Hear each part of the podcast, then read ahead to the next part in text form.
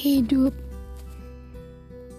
Kalau kita dengar kata hidup, apa yang kita pikirkan? Mau punya rumah mewah? Mau jadi orang sukses? Atau aku mau nikmatin hidup selagi masih muda? Orang bilang, selagi muda kita harus bekerja keras supaya dapat apa yang kita mau. Itu bener kok. Tapi kadang kita lupa hidup itu sebenarnya esensinya mau ngapain sih? Banyak kok tokoh terkenal di dunia yang memilih mengakhiri hidupnya meskipun orang melihat mereka kurang sukses apa sih? Apa yang belum mereka punya? Mereka punya segalanya. Jadi, hidup itu sebenarnya untuk sukses atau bukan? Sebenarnya tujuan hidup kita untuk apa? Hidup itu adalah sebuah berkah. Hidup itu ibarat perjalanan petualangan kita. Dari kecil kita tahu bagaimana dikaliku orang tua kita berjuang supaya kita bisa makan, supaya kita punya mainan, supaya kita bisa sekolah, Orang tua juga tahu bagaimana sulitnya merawat dan mendidik kita. Jadi, kalau punya anak itu repot, kenapa orang tua masih selalu berusaha dan berupaya agar kita punya masa depan yang cerah?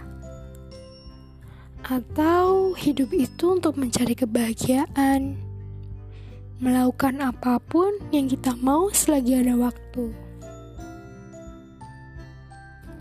Oke, jadi orang sukses yang mengakhiri hidupnya itu udah gak butuh hidup dong? Enggak, bukan gitu. Kadang kita lupa sama Allah. Kita dulu hanya segumpal darah.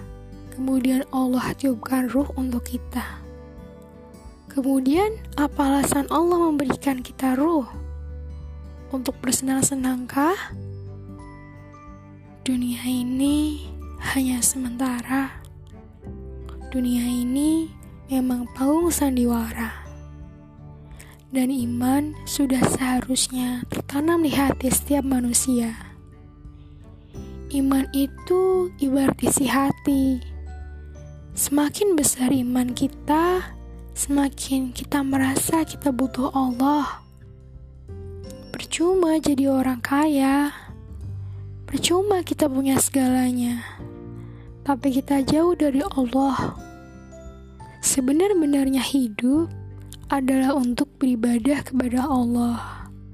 Beribadah bisa buat kita bahagia kok. Hidup itu ibarat menanti kematian. Apa pun yang kita miliki saat ini tidak akan pernah kita bawa saat kita tiada. Hanya amal soleh pembeda di antara kita. Bener kok, kita emang harus sukses. Tapi kita juga harus ingat, kita harus mempersiapkan bekal untuk akhirat. Semua orang atau apa pun hal yang kita cintai, pada akhirnya akan pergi. Dan sejatinya kita emang sendiri. Sendiri bukan berarti sendiri. Ada Allah yang sebenarnya selalu di hati. Maha pendengar dan maha melihat. Yuk, buat Allah sayang sama kita. Buktikan hidup kita nggak sia-sia. Dengan banyak beramal soleh dan menjadi versi terbaik dari diri kita.